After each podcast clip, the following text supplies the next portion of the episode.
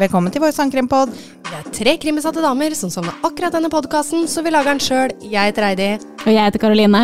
Og jeg heter Nora, og hold pusten, folkens, for denne her er vill. Vi begynner i borgerkrigen i Guatemala og massakren av en landsby, og vi avslutter i USA med en familiegjenforening 30 år seinere.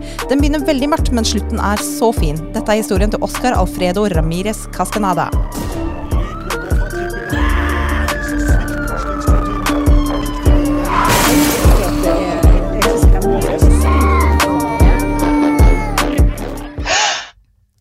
Hallo, jenter. Hallo! Vi har besøk i dag. Vi har besøk i dag. Hei! Hei. Hei! Vi har med oss uh, venninna mi Karoline. Eh, hun er snuser litt på å starte sin egen podkast og hadde lyst til å være flua på veggen. Og jeg og Heidi har kjøpt nytt utstyr! Og vi er så gira. Og det betyr jo at vi har en ekstra mikk. Så da eh, fikk Karoline en litt mer aktiv rolle enn det hun hadde bedt om. Jeg er litt nervøs for dette her, altså. Ja, det, det skjønner jeg. Men det kommer du over. Og hvis du skal ha din egen pod, så må du i hvert fall komme over det. Det er sant. Jeg får bare jobbe med hvor jeg prater i mikken. Ja. det mik- Mikkteknikk er uh, ikke så greit. Nei. Jeg og Heidi har jo da kjøpt uh, nye mikrofoner av en annen type enn vi har hatt før. For det var jo ikke bra. Og så har vi kjøpt uh, et nytt sånn, en ny sånn Jeg veit ikke hva det heter engang. Miksebrett, lydkort, Plate. plate. Jeg vet da faen. Vi, vi er ikke så tekniske, men det ser veldig pent ut. Det er veldig fancy. Ja, herregud. Mange eh, fine knapper med forskjellige farger på. Ja, Så folkens, vi tar gjerne tilbakemeldinger på lyden. Ja! Eh, og, den, og gjerne liksom introen og lydeffekter og alt, for nå gjør vi det litt annerledes uten å bli for teknisk. Eh, så kom gjerne med tilbakemelding. Mhm. Vil du eh, si noen ord, eh, Karoline, om eh, din motivasjon for å starte podkast? Kanskje begynne med hvor mye du digger oss? Jeg digger dere veldig mye. Jeg har hørt på dere siden første episode. Eh, Nå blir det jo litt automatisk når du omtrent sender den til meg. Eh, Ja. Jeg er ikke helt up to date alltid, men det er fordi jeg elsker å binge dere, så jeg hører gjerne på dere i fire-fem timer i strekk. Da hadde jeg gått lei, ass. Å, fy fader. Da blir du klam i øra. Ja, klaverer. det er helt greit. Ja. Eh, så jeg har jo hørt alle episodene fram til hvert fall for et par uker siden. Og jeg syns jo sandkrim er veldig spennende. Jeg ble litt grann lei meg da du lagde pod med noen andre, Nora.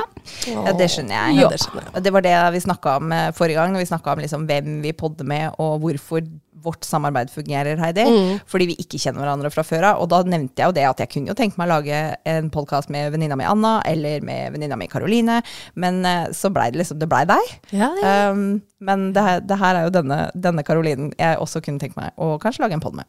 Mm. Um, men eh, har du en favorittepisode, Karoline? Favorittepisode. Altså, jeg syns det er dritvanskelig sjøl. Ja, jeg ja, ja. husker ikke hva vi har spilt inn engang, så ikke spør meg. Men uh... Det begynner jo å bli ganske mange. Ja. Eh, Favorittseriemorder er jo Ed Kemper. ja. Så den episoden, Mm. den, eh, den digga jeg. Eh, episodemessig så um, Likens var veldig bra. ja, takk, takk, takk. takk, takk, Det er en uh, veldig grotesk Ja. eh, og, og spennende sak. Ja, Har du hørt den japanske ennå? Junko, Junko hva heter det? Furuta? Futura? Furuta? Nei, den har jeg ikke hørt. Nei. Det er vel sånn cirka der det stopper. Ja, for, de, for den, den er eh, Heidi sa gjennom hele episoden egentlig at den var verre enn Likens. Mm.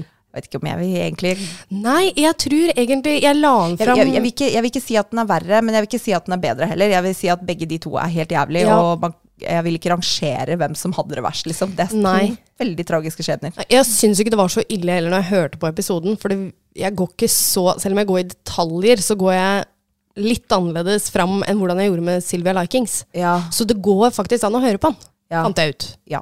Ja, Sjøl om vi var ganske fra oss når vi ja satt der og snakka om det. Selvfølgelig, vi blir jo alltid det. Ja, ja eh, Karoline, bare å si fra. Vi har en boks med Kleenex her. Ja, Eh, det må vi ha, sånn i tilfelle. Kan hende du ikke trenger den i denne episoden, håper jeg. Nei. Um, har du noe øvrig nytt å komme med, Heidi? Uh, nei, altså Jeg var eh, Jeg hadde en liten luftetur her om dagen, hvor jeg faktisk var da på Utøya. Det stemmer. Ja. Du sendte jo snap. Ja. Hvordan var det? Jeg var ikke på selve øya, men jeg har aldri vært på en måte på landa på andre sida. Så jeg tenkte at vet du hva, jeg bor jo like i nærheten, så hvorfor ikke ta en liten kjøretur da? Og det har blitt så fint der. Ok. Det har jo blitt helt, helt nytt opplegg, så de har asfaltert helt ned til vannet, og du har masse parkeringsplasser, og det virker som de har laget et sånn slusesystem. Ok, For, for båten, eller hva? Nei, ikke for Nei. båten, men for passasjerer, så jeg veit ikke om de kanskje har planlagt om å ta noen guida turer ut i Ah. øya eller noe sånt. da. Kanskje det. Og så åpner det sånn minnesmarkering, da. Det virker som det er ferdig, men eh, det blir sånn avdukning, da. Ja, ja, ja. 18. juli. Oi. Juni, juni, juni. juni. Mm. Det har vært øyeblikk, det. Det er det, altså. Ja. Så, Ah, shit, altså, jeg fikk helt uh, sånn rar følelse i magen når du sendte de bildene. ja, og spesielt når båten var i land. Åh. Og bare å tenke på at han har vært om bord i den båten der. Nei, vet du hva. Det var jævlig. Så Ja.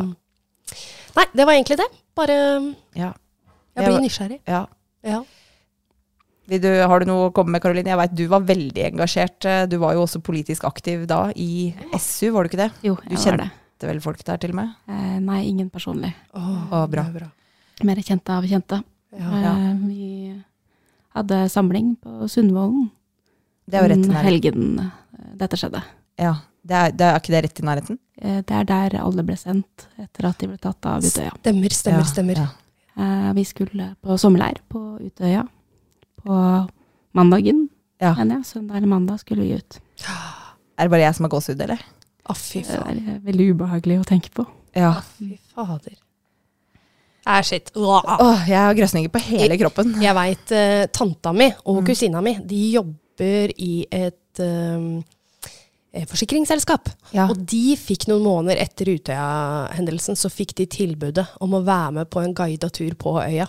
Og det gjorde de faktisk, men de, de orka ikke å gå den kjærlighetstiden, for hun sa det var så mye smerter og så mye grining, og det, du, du, du så til og med kulemerker og sånn overalt på hele øya. Og det var kort tid etterpå? Å, Mm. fy faen. Det var ikke så mange måneder etterpå, altså. Så det, hun sa det at det var helt for jævlig, men på en måte også verdt det, da. For det er jo, det er jo viktig. Ja. ja, Så, ja.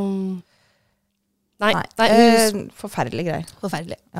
Eh, forresten, Ja. eh, jeg googla litt. Eh, The Thing About Pam, husker du det? Greia med Pam. ja. eh, som ble en serie med Renee Zellweger eh, på NBC, tror jeg det var i USA. Jeg prøvde å google for å se om han har kommet til Norge. Ja. Kom på en artikkel i Aftenposten som jeg ikke lenger har abonnement på, så jeg får ikke åpna den. Men der sto det i den der kortteksten som kommer opp på Google, at den er kjøpt opp av Viaplay. Ah, Så da kan hende vi får mulighet til å se den etter hvert. så gøy! Ja. Ja, jeg håper. Jeg håper. Eh, hvis det er noen som har eh, abonnement på Aftenposten og får lest den artikkelen, si ifra. Ja. Men det virker som kanskje den kom på Viaplay. Det blir spennende. Og det blir gøy. Ja, Er dere klare for en sak? Vi er klare. Den er ganske annerledes, denne her. Ehm, det er eh, liksom Jeg snubla over den fordi det var en kidnappingssak eh, som blei løst veldig, veldig lenge etterpå.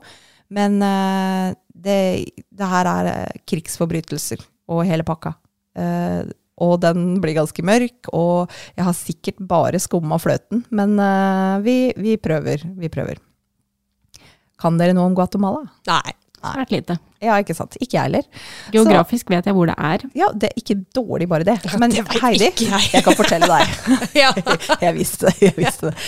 Uh, la meg male et bilde nå. Ja. Uh, Guatemala er i Mellom-Amerika, rett sør for Mexico. Eh, grenser også til Belize, El Salvador og Honduras. Landet blei eh, såkalt oppdaga av Spania og var en spansk koloni fram til 1821. Deretter var de under Mexico eh, bare et par år, og en del etter det en del av en sentralamerikansk føderasjon som kollapsa da 1840. Eh, Guatemala ble ikke ansett som viktig når de var under Spania, for de har ingen edelmetaller. Hovedproduktene var sukker, kakao og kaffe. Det var liksom ikke så interessant. Eh, det er veldig mange urbefolkninger der, som utgjør ca. 47, nei, unnskyld, 42% av folketallet. Og det er egentlig ansett for å på en måte være hovedsetet til mayaene. Ah. Mm. Um, og resten av befolkninga har blanda herkomst av spansk og urbefolkning for det meste. Um, de var jo ikke et veldig rikt land, og etter Spania gikk ut og de hadde sin selvstendighet, så fatta USA interessen for dem. Fordi at de, de driver med kaffe og eh, sukker og kakao og sånn. Um, det var veldig mye politisk ustabilitet, og myndighetene greide ikke fullføre de planene de hadde vedtatt, som f.eks. å ferdigstille jernbanen. Jeg vet ikke hvor spennende det er, men i hvert fall på tidlig 1900-tallet så var, var det en president som så sitt snitt til å få ferdig alle infrastrukturplaner ved å slippe inn amerikanske United Fruit Productions. Og de skulle da slippe å betale skatt. og det var bare fritt fram.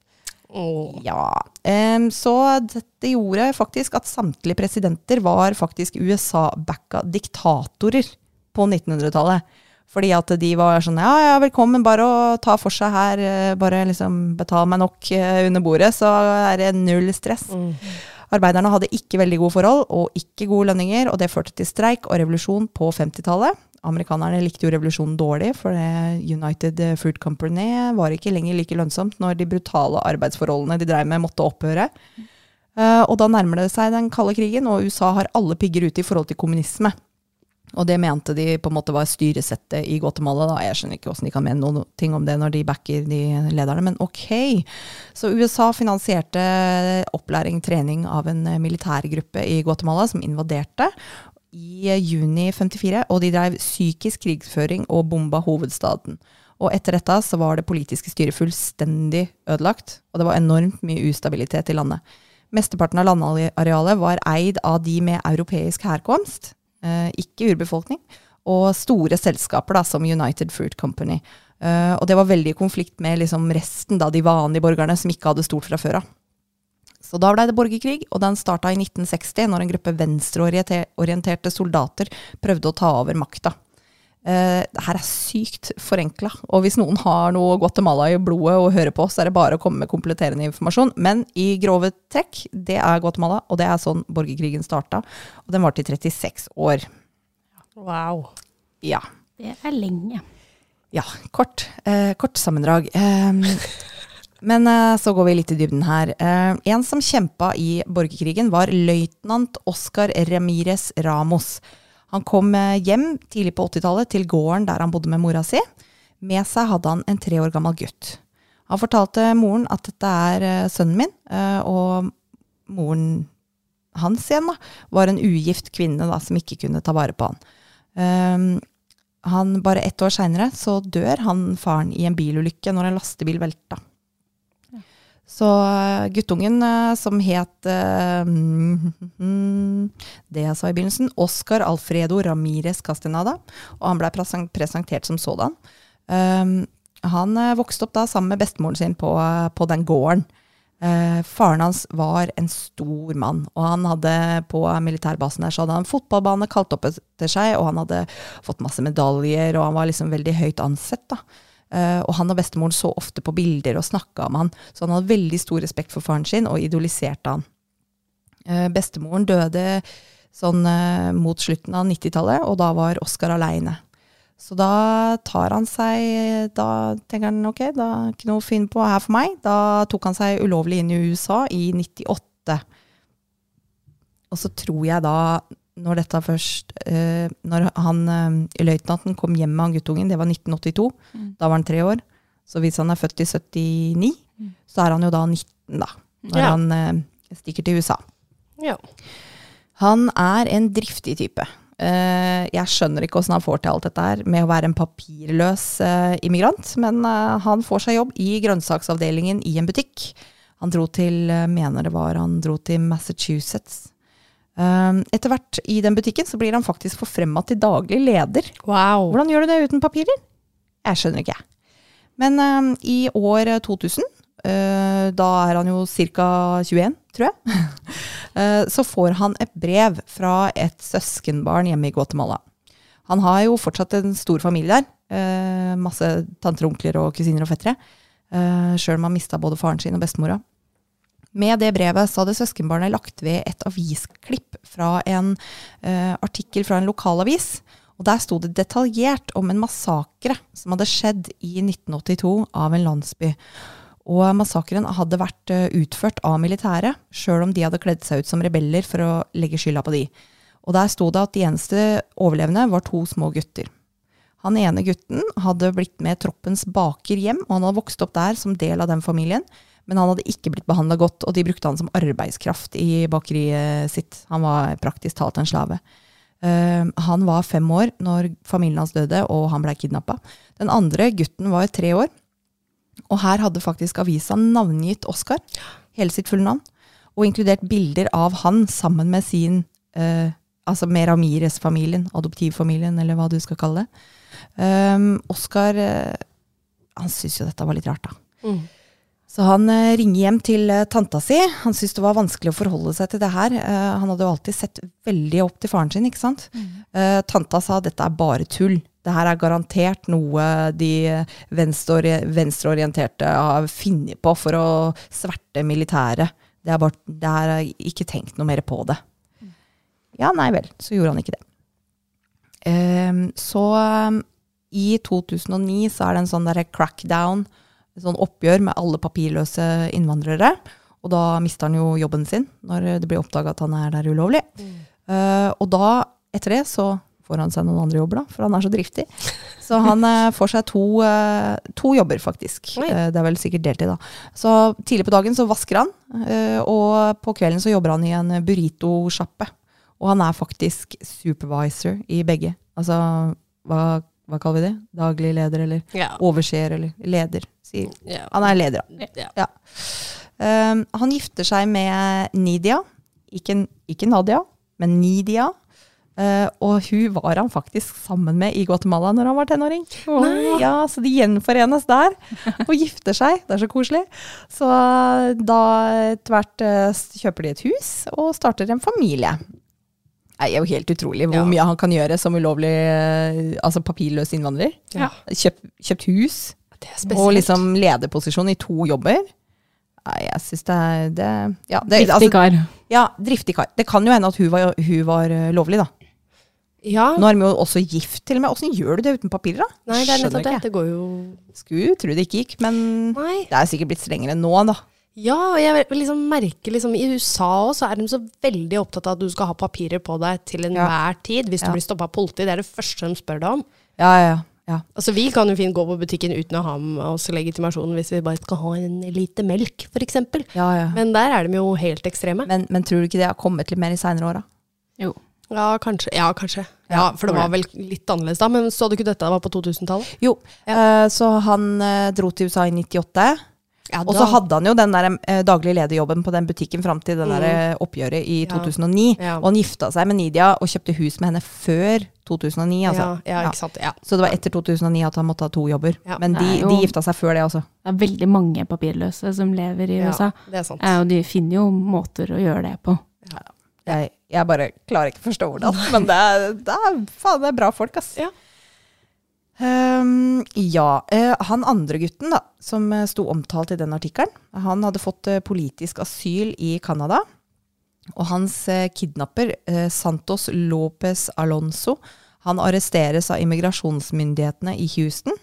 Og erkjenner der skyld for å ha brutt immigrasjonsloven.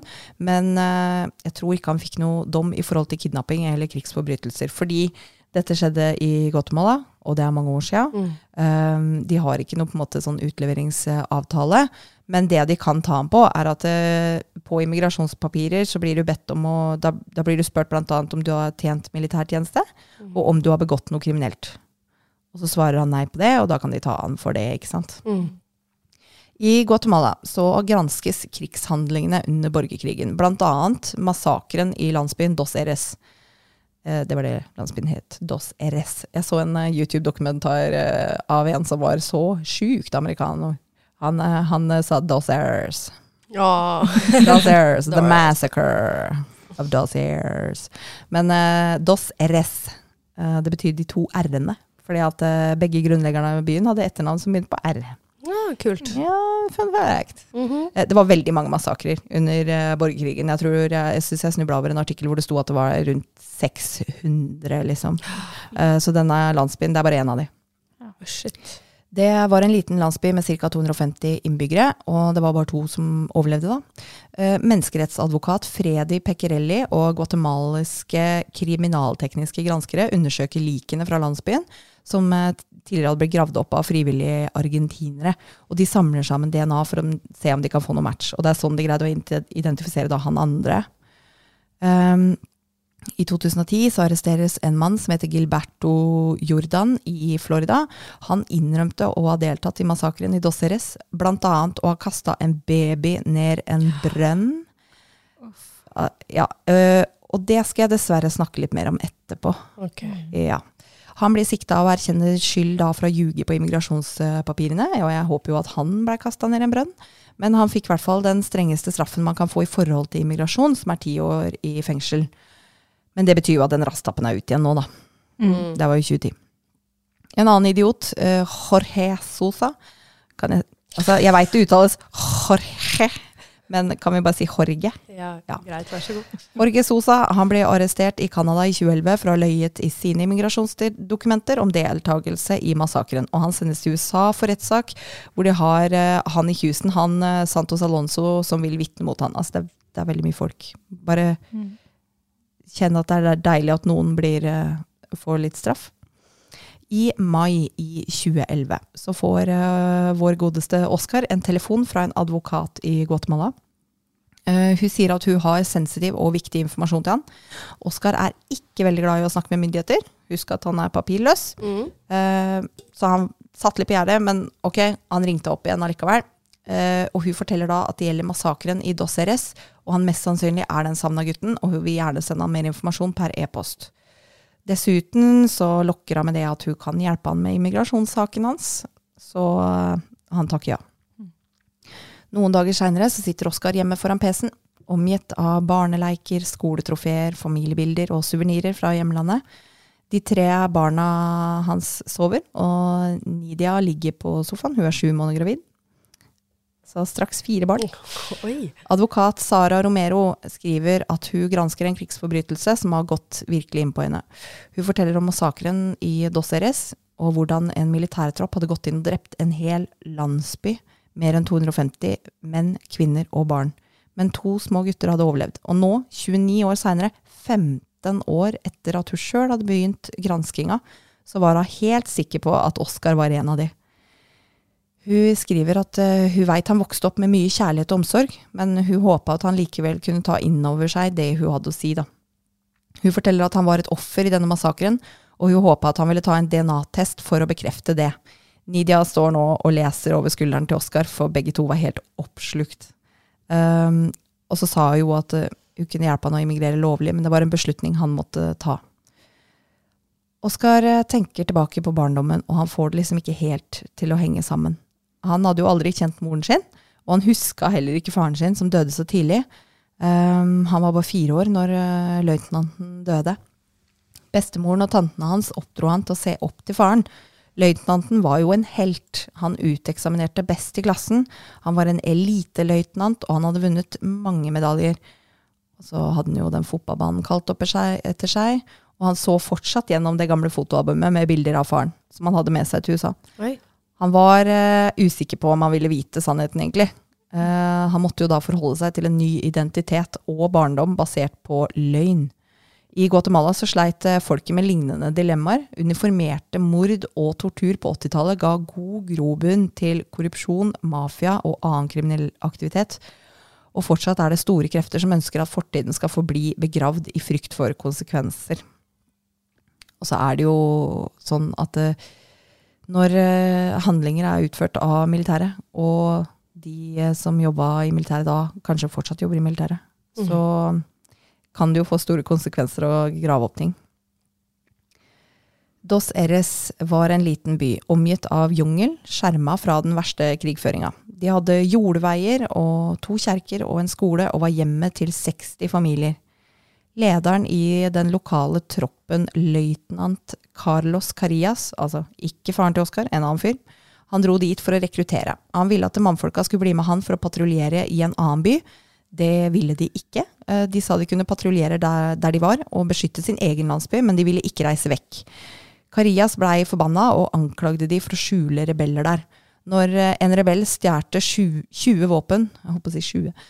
Eh, Når en rebell stjerte 20 våpen fra en base i nærheten, så falt i, mistanken da på innbyggerne i Dos Eres, som mest sannsynlig ikke hadde noen ting med det å gjøre. Men da skulle de lære innbyggerne en lekse.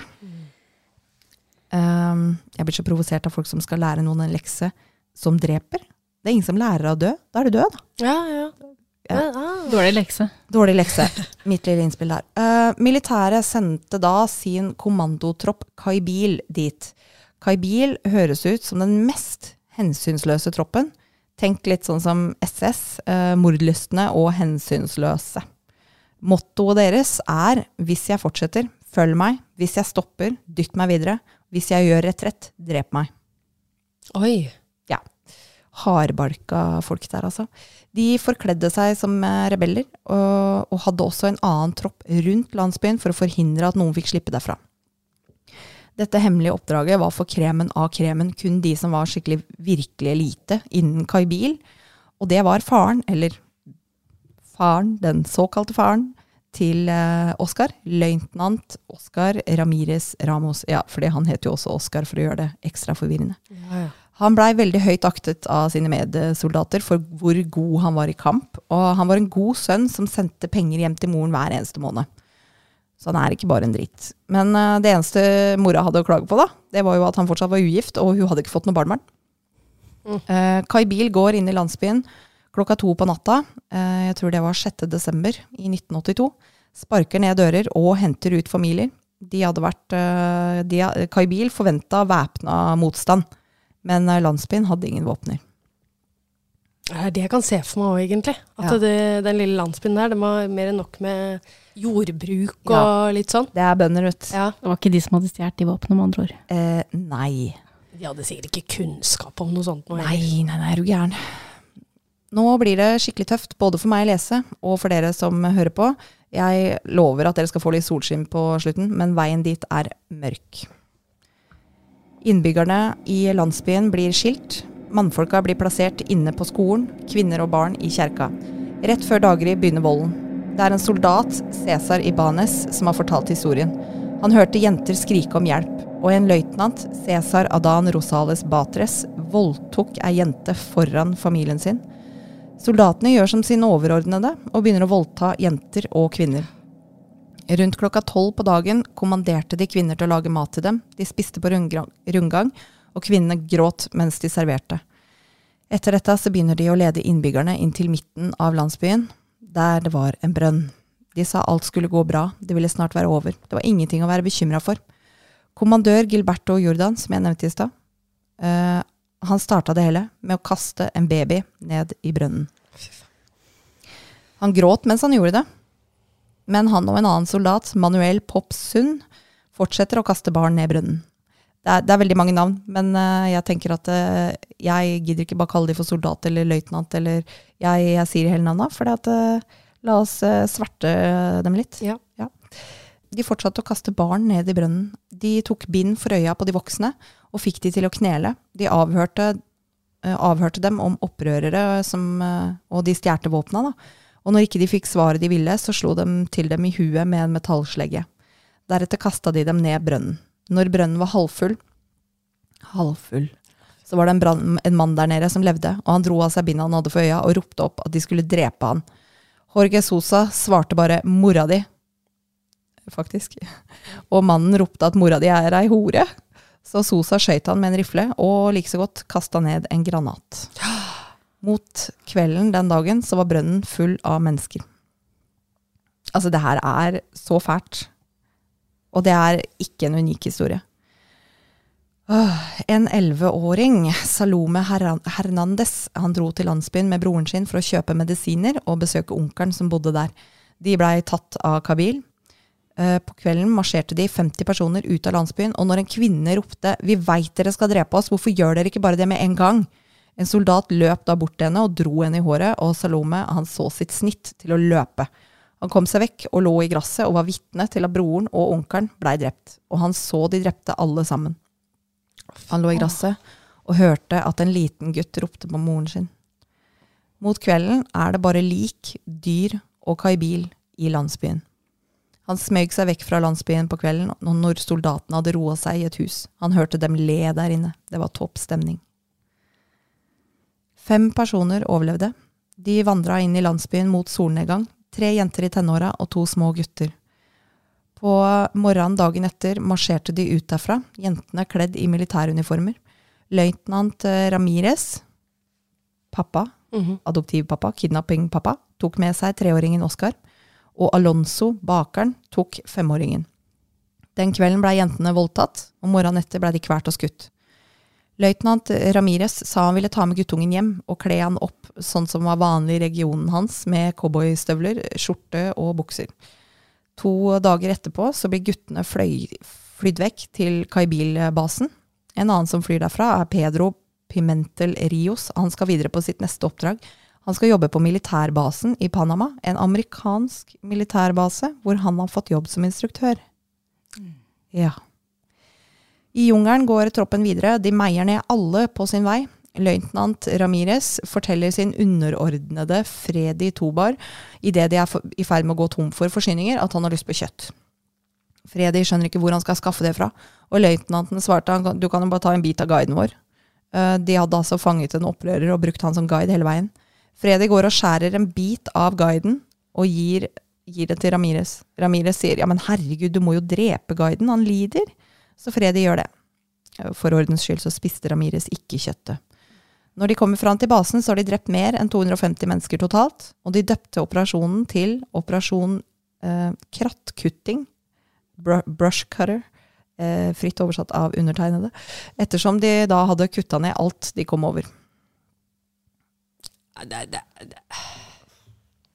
Helt grusomt. Ja. Nei, å, jeg får helt gåsehud. Det er helt, helt jævlig. Noen dager seinere så drar løytnant Carias, han lederen for eh, Kaibil-troppen, tilbake til Dos Eres. Han og soldatene stjerte det de ville ha, og brant ned eh, byen. Da hadde det kommet folk fra andre steder dit, slektninger og sånn, som var helt forferda over hva som hadde skjedd der.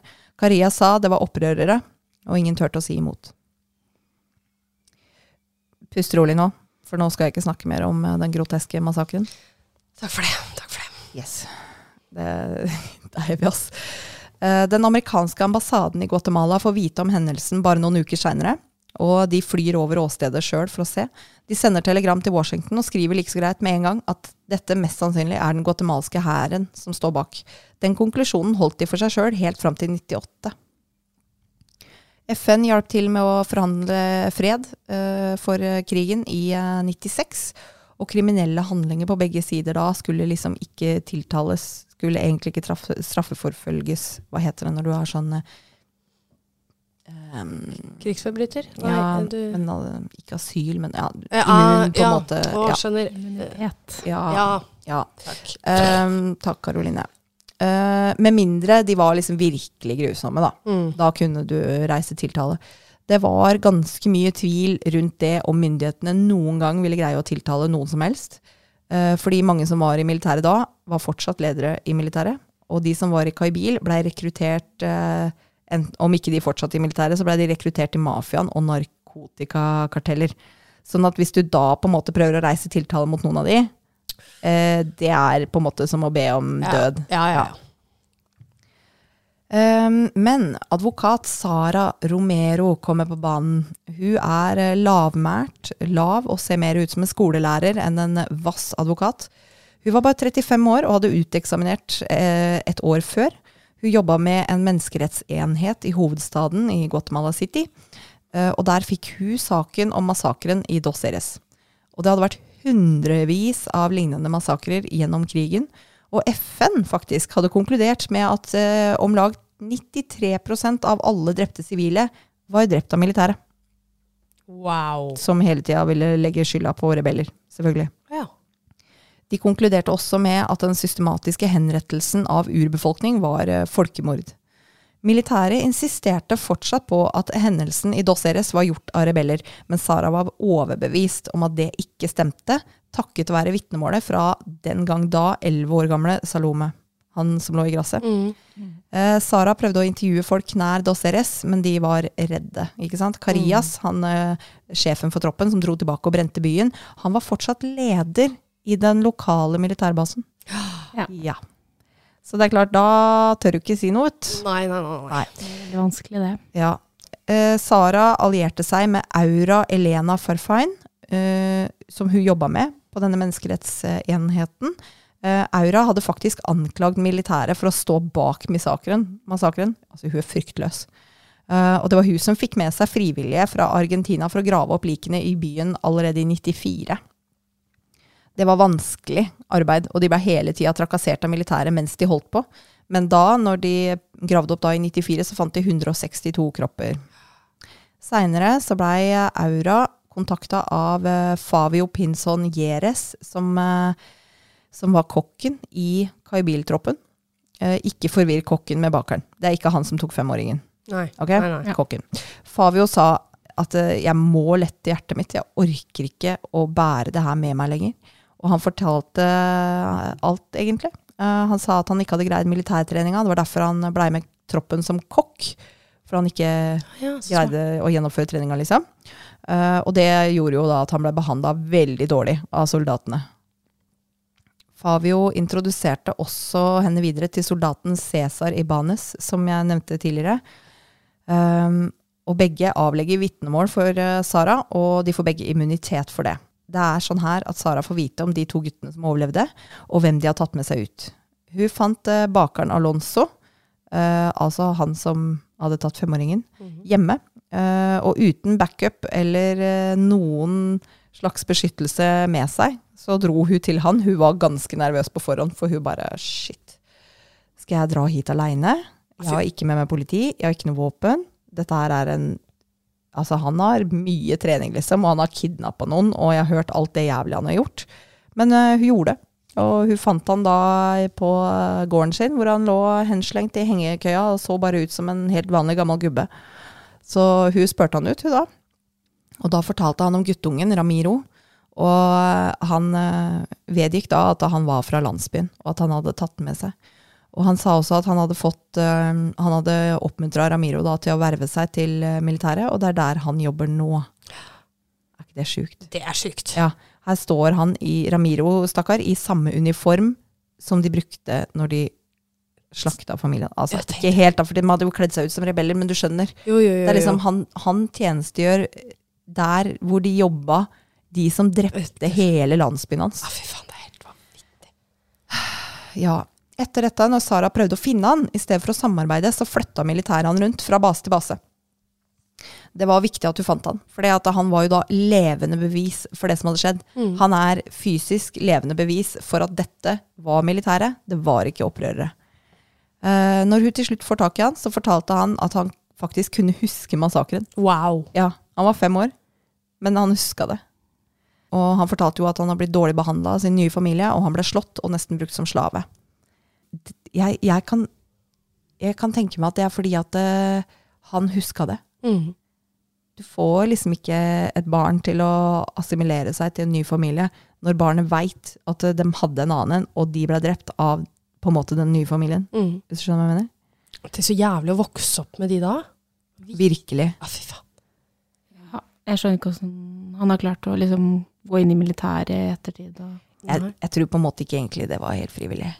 Nei. Jeg tror han ble veldig oppmuntra av uh, sin uh, kidnappings-adoptivfar. Ja, så kan det at han verva seg for å rett og slett Eller for å slippe komme- unna, Ja, liksom. for å eneste, unna. Ja, eneste Ja. muligheten han så, kanskje. Ja, det kan eneste være. han fikk lov til. Mm. Ja, Mm. Det kan hende. Eh, I hvert fall Sara overbeviser han om å dimme, og ordner så han får politisk asyl da i Canada. Som jo sto i den avisartikkelen som eh, Oscar fikk tilsendt tidligere. Mm. Eh, Da var det bare for Sara å finne den andre gutten. Eh, hun hadde faktisk navnet hans, som jeg nevnte, og det sto jo i den uh, avisartikkelen. Ja. Mm. Og hun intervjua da søstera til løytnant Ramirez. Eh, og søstera hun holdt seg til historien, men uh, til slutt så innrømte hun at hun visste at Oskar var fra Dos Eres. Det er sikkert den samme tanta som han ringte etter at han fikk det avisutklippet. Ja, ja, ja. Hun var nei, nei, nei, nei, det er ikke sånn. Men, men jeg skjønner henne jo, da. ja da. Hva gjør det med deg hvis du skal oppdage det? Han vokste jo opp med masse kjærlighet. Mm. Ja, fy fader. Hun kan, jo, hun kan jo ikke noe for at det skjedde, Nei, nei, nei. men hun visste det. Mm. Oscar eh, hadde flytta til eh, USA, fortalte hun, og de ville ikke hjelpe Sara å finne han.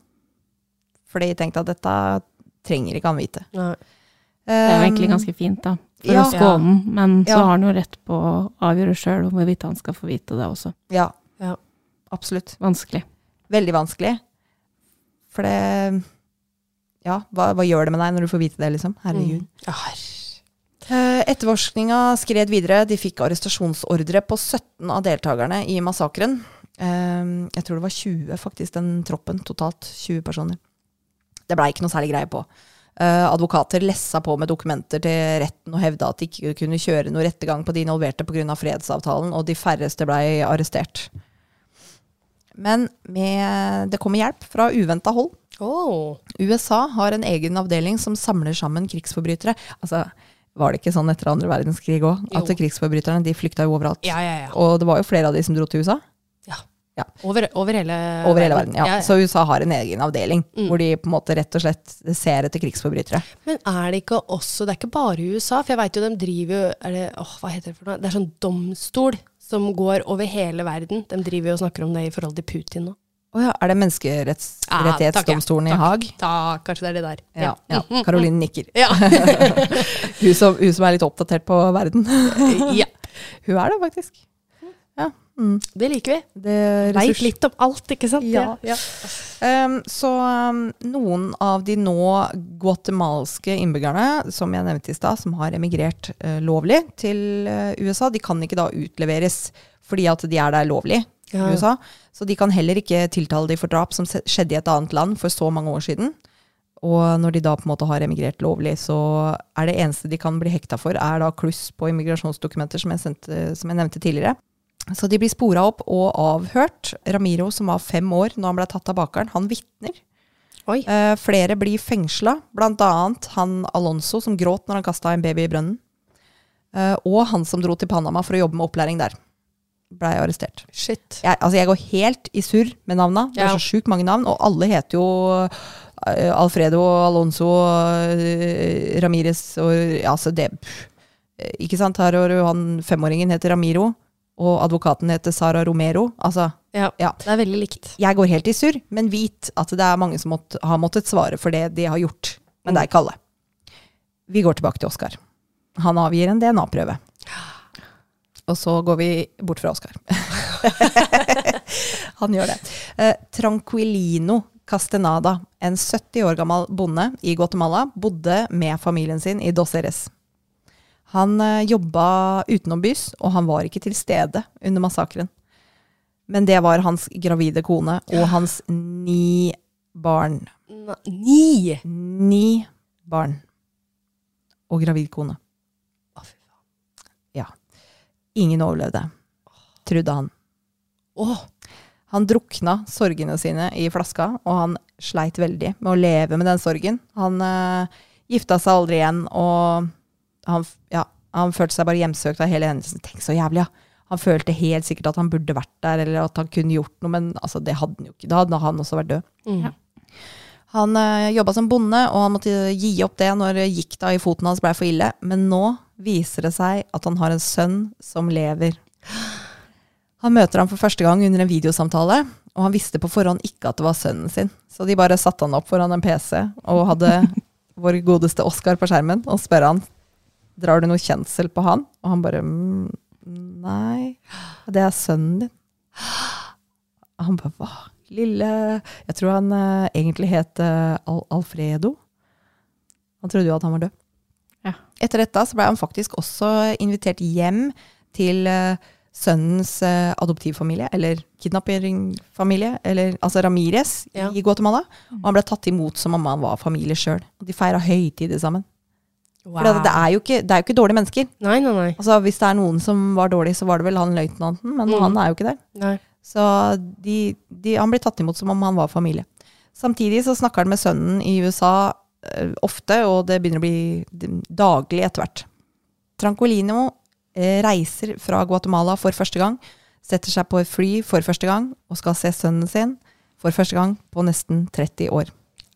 Oskar, 32 år, og kona Nidia møter opp på flyplassen med barna sine. Andrea på 11, Nicole på 7, Oskar på 5 og lille baby Dulce på 10 måneder. Barna har tegna og laga store velkomstplakater til bestefaren sin. Menneskerettsaktivistene Aura og Fredi fløy også sammen med Tranquilino. Tranquilino blir kjørt inn på en rullestol fordi han halter da i den ene foten. Han har eh, grønne øyer, akkurat sånn som Oskar. Oskar møter han med en klem sammen med baby Dulce, og Tranquilino føler endelig at han ikke er aleine, etter så lenge å ha følt seg hjemsøkt av sin døde familie. Oskar får eh, da innvilga politisk eh, asyl i USA, så nå er han ikke lenger papirløs. Woohoo! Saken, eh, advokaten som behandla saken hans, sa at han ikke hadde truffet noen som fortjente det mer enn Oskar.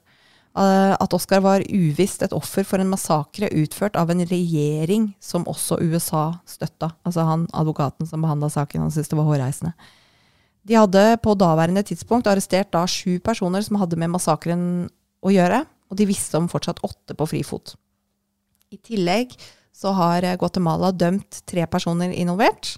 De fikk 30 år hver for hver av de identifiserte 201 døde, i tillegg til 30 år for brudd på menneskerettigheter. Så det betyr at disse tre personene fikk en dom på 6060 år hver seg.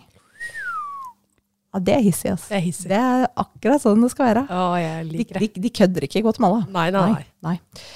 Barna til Oskar hopper gira rundt, og Tranquilino tørker gledestårene sine på et lommetørkle. Dagen etter drar de hjem til Oskar utafor Boston, og de sitter sammen på kjøkkenet. På veggen henger det familiebilder, annet et bilde av det Oskar trodde var sin farmor. Hun som oppdro han. De, altså, de hadde det jo bare fint. Ja, ja.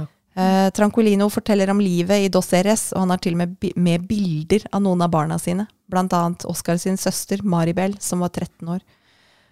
Og jeg, og jeg tenker sånn på det, at eh, når jeg leste i stad at det var fem personer som kom til byen ved solnedgang, og det var de to guttene, og så var det tre tenåringsjenter. Jeg lurer på om en av de tre kan ha vært søstera, Det kan være. som Ah. blei voldtatt og drept dagen etter. Ja. Det var forferdelig. Barna løper rundt kjøkkenbordet og kommer stadig bort til bestefaren for å gi han klemmer. Tranquilino sa han var veldig glad for å være der, og han hadde da fått et visa for å være der i seks måneder. Um, jeg veit ikke om han fikk noe permanent opphold, Nei. men det var en veldig veldig hyggelig gjenforening. Ja, herregud. Ja. Så det var litt sånn solskinnshistorie, men fy faen så jævlig. Ja. Det, det, er, det går ikke an å nesten sette seg inn i det, vet du. Hva, hva er det med krig som gjør at, at man kan gjøre Altså, hva, hvorfor skjer sånne ting under krig? Fordi du ikke selv er ansvarlig. Fordi at du har på deg en uniform som fritar deg for ansvar. Tydeligvis. Som fritar deg for ditt eget moralske kompass. Det er det jeg føler, i hvert fall. Ja, fordi mest sannsynlig så er det jo ingen altså De færreste hadde tillatt seg sånn oppførsel hvis ikke det hadde vært krig. Mm. Hvorfor er det liksom greit å kaste sivile babyer ned i en brønn? Mm. Jeg tror ikke de ser på dem det, det sier seg selv, de ser jo ikke på dem som mennesker. Det er jo mer objekter for dem. Um, de har sikkert en de, de blir sikkert trent opp, tenker jeg, på den jækla fuckings På militærbasen. skru av Og liksom skru eh, av, ja. Skru av alt moralsk. ja. Jeg tror det blir en slags eh, gruppementalitet. eh, hvor man er redd for å ikke være en del av gruppa. Ja. Eh, Så når først en ordre kommer om å være brutal, så er det om å gjøre å være mest brutal. Mm, Ja. ja. Ja da, du har, du har helt sikkert rett i det. Huh. Det er hårreisende, og det er forferdelig å tenke på at det nå faktisk er en krig i Europa. Ja. Når du veit at det er sånn type mentalitet uh, i en krig, under en krig. Ja, det har jo, har jo kommet fram allerede at Ja. det er jo kvinner der nede som blir voldtatt av soldater, og russiske soldater er jo helt hårreisende hva de Ja, gjør. ja. Men jeg hørte noe interessant. Eh, under andre verdenskrig, det var ikke greit blant tyskere. Hvis, hvis noen eh, tok for seg og drev og voldtok og sånn, så ble de skutt. Ja. Sånn Men- gjør vi ikke. Nei.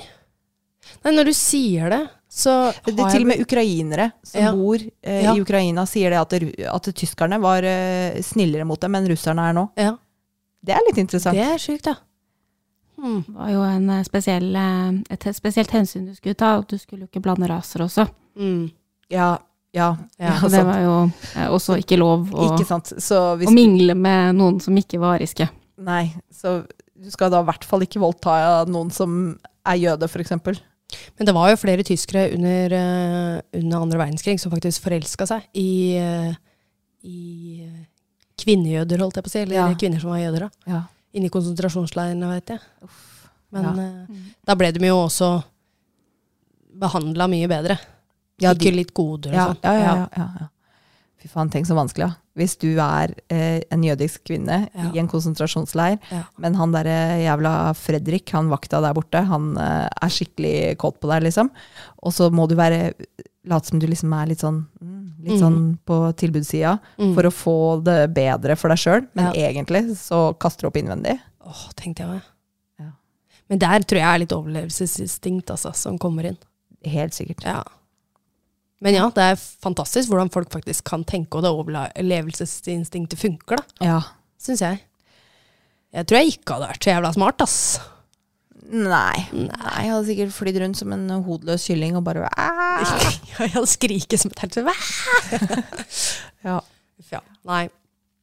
Det er fælt at det skjer, altså. Det er jo Det skjer jo den dag i dag og sånt noe. Ja. Det, Ja, det fins en del bilder, da. Jeg kan legge ut bilder av Oskar og familien hans, kona Nidia, barna, Tranquilino. Eh, Jeg kan også legge ut bilde av løytnanten. Nyon. Ja. um, som eh, Ja. Det er veldig spesielt. Ja. For det Han blir jo liksom Den Han løytnanten, han var liksom så bra. Han var liksom eh, Fått medaljer og var liksom høyt akta og greier. Og så var han med på det der. Men, men var den gruppa der, da, Ja, eh, var de med på flere sånne type helt sikkert. oppdrag? Ja, ikke sant? Helt sikkert. Det var mange massakre. Ja. Ja. Ja. Han blir jo godt eh, og høyt akta fordi han eh, var en, altså, i maktens posisjon, da. Ja. Ja. Eh, for, og for makten og regjeringen så gjorde han jo veldig mye bra. Ja. Um, bare at det også er en annen side her, Ja. en sivilbefolkning som lider. ja. Nei, øh, helt jævlig. Litt utafor kanskje det vi pleier å ta for oss. Vi pleier jo ikke ta for oss eh, krigsforbrytelser, men jeg så en kort snutt eh, på eh, YouTube om denne gjenforeninga. Om egentlig videoen Ja. handla om folk som var kidnappa, som ikke visste de var kidnappa. Som Ah. oppdager det på seinere tidspunkt i livet. Utrolig mye spennende der, altså. ja. Men da, da blei det denne. Um, Du har jo tatt sånne saker før. De smågodthistoriene. Smågodt, ja, Ja. forsvinningssaker, det. Ja, det var, De som ja, plutselig dukker opp igjen. Yes. Ja, ja, ja. litt samme greie. ja, ja. Gøy. Uh, ja, nei, så gå på eh, Facebook og Instagram, eh, folkens, for å se på bilder hvis du er gira på det. Og uh, forresten, tusen takk til Eirik, Uh, Eirik Eikeland. Eh, han har laga logoen vår, som eh, vi nevnte tidlig i poden, men vi har ikke gitt han nok publisitet publisitet i det siste. Nei. Han eh, jobber som kunstner, og han er åpen for å ta imot eh, oppdrag. Så hvis eh, du trenger eh, design av logo, eller hva nå enn det skulle være eh, hvis du, Jeg har også bestilt et maleri av han. eh, det er faktisk jeg har to malerier på veggen av han. eh, dritbra. Det er dritbra. Så mm, finn han på Instagram. Vi har linka han i den siste, det siste eller bildet av Bella, da. Mm. Fordi jeg ba han lage en, eh, et bilde av Bella. Podpusen. Podpusen, eh, så hun har fått eh, et bilde av seg sjøl i samme stil som logoen vår. Veldig kult. Tusen takk. Eirik. Eh, kontakt han hvis dere trenger noe. Um, grunnen til at jeg hadde lyst på Bella, Mm. er jo fordi at vi snakker jo om henne innimellom. Ja, vi gjør det. Sjøl om det bare er 'faen, Bella, ikke gå på bordet'. så hun er jo med. Eh, og vi har jo en ny nettbutikk. Det har vi. Ja, Ja. så da skal vi se om ikke det kanskje blir Bella på noe greier òg. Ja. Det er jo en, eh, litt lettere å bestille for dere brukere. Den er norsk, den Ja, sida. ja. Så der er det norske priser òg. Ja, takk og, til dere som bestilte fra den forrige. Ja. Men uh, denne her er nok mer brukervennlig. Ja. Kommer litt kjappere i posten. Kommer kjappere i posten, ikke noe tollkostnader, for det er uh, produsert i Norge. Ja. Men det er igjen en sånn eh, type nettbutikk som gjør at vi slipper å sitte med et lager med varer, da. Ja. det er deilig. Men det er bare å gå inn der og bestille hvis du har lyst på noe merch. Og hvis du gjør det, så støtter du jo meg og Heidi med noe kronasjer òg. Vi har akkurat kjøpt eh, nytt utstyr. Det kosta en arm og et bein, si. oh yes! Det svei litt i lommeboka. Det gjorde det. Uh, feriepenga kommer straks på konto, og de går kjapt ut igjen. Yep. Ja. Nei, uh, vi bruker jo bare våre egne penger på det her, og det er jo ikke akkurat noe lønnsomt ennå. Så Nei. det er hyggelig om du har lyst til å kjøpe noe merch. Det er gøy. Ja. linken finner du i eh, eh, beskrivelsen av episoden. Og nå føler jeg vi har snakka altfor lenge, så Ja. da takker vi for oss. Snakkes neste uke. Det gjør vi. Ha det! Ha det!